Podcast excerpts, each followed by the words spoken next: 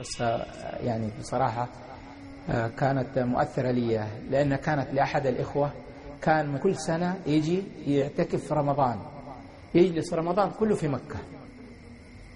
ويجلس أول يوم وثاني يوم العيد يجلسوا عند بنته في مكة يجلس عندها ولما جاء سفر في ثاني يوم العيد تخيل يا إخوان سفر في ثاني يوم العيد كأنك تجيب الحيز أو التذكرة أو المقعد هذا من فم الأسد.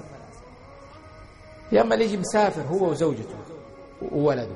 عادة كل سنة يجيب واحد يكسب فيه الأجر. يجيب خاله عمه ولد أخوه. المرة هذه جاب زوجته وجاب ولده معه. بعد ما انتهى من العمرة لما جاء راجع لبلده قالت أخته أنا أبغى أسافر معك.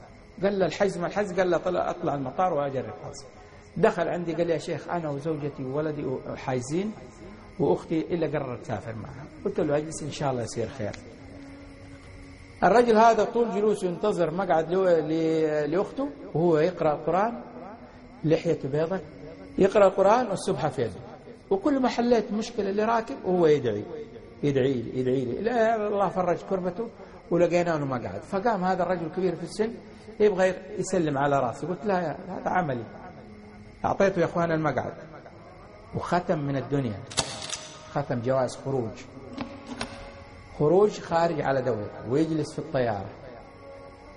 يجلس في النص زوجته على اليمين وابنه على الشمال وأخته وراه ويجي المضيفة معها الجرايد. تبغى يا حج ما يبغى. جاء المضيف معاه العصير أخذت الأم. وأخذ الولد وجات تقول له يا حج تبغى؟ والحج بتدز عليه بكتفه تقول له يا حج تبغى عصير؟ فإذا هو ميت ميت كيف يا أخوان؟ هنا العبرة. ميت على كرسي الطيارة جنب زوجته وجنب ولده. ميت وهو يقرأ القرآن.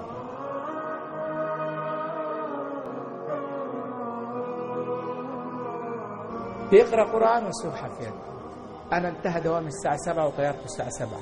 من الموقف رجعوني قالوا لي يا شيخ ترى الراكب إلا ساعات في طلوع الطيارة ميت في الطيارة تعال عشان تشيله تغسله. أنا افتكرت أنه يمزحوا معايا عشان يبغوني أرجع العمل عمل إضافي عشان وقت حج وقت عيد. قالوا لي والله ما نكذب يا شيخ. رجعت يا شيخ وهذه العبرة والشاهد للي أنت تبغاه. لما جيت فعلا كان ميت. هو فجيت قلت لهم طيب دحين نسوي له تصريح الدفن وتبليغ الوفاة. أنتم تلاحظون يا اخوان الإخوان المسافرين إلا من رحم الله يشيل في يده ما لذ وطاب من الأكل وال hand bag 23 كيلو هنا وفي ظهره حتى أولاده الصغار يشيلوا لما جيت قلت لها طيب حتمر على أحد المغاسل عندي؟ وناخذ الكفن. تقول لا ما نبغى الكفن حقك استغربت قلت لازم يا أختي الله يسلمك لازم نمر ناخذ الكفن عشان نكفن ونغسله وندفن زي ما قلت. قالت لا ما نبغى الكفن. قلت ليش؟ قالت انظر بين رجلين قلت إيش انظر؟ قالت طالع بين رجلين إيش كان بين رجول يا أخوان؟ كان كيس بلاستيك فيه الكفن حقه. شايله معاه. كل سنة يجيب كفنه ويتبرع فيه وياخذ كفن جديد. وموصي أولاده والمرأة إذا مات يندفن في مكة. الله. كفنوا معاه.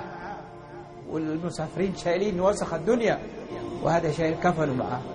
خاتمته على إيش كفى يا نفس ما كان كفاك هوى وعصيانا كفاك ففي الحشا صوت من الإشفاق نادانا.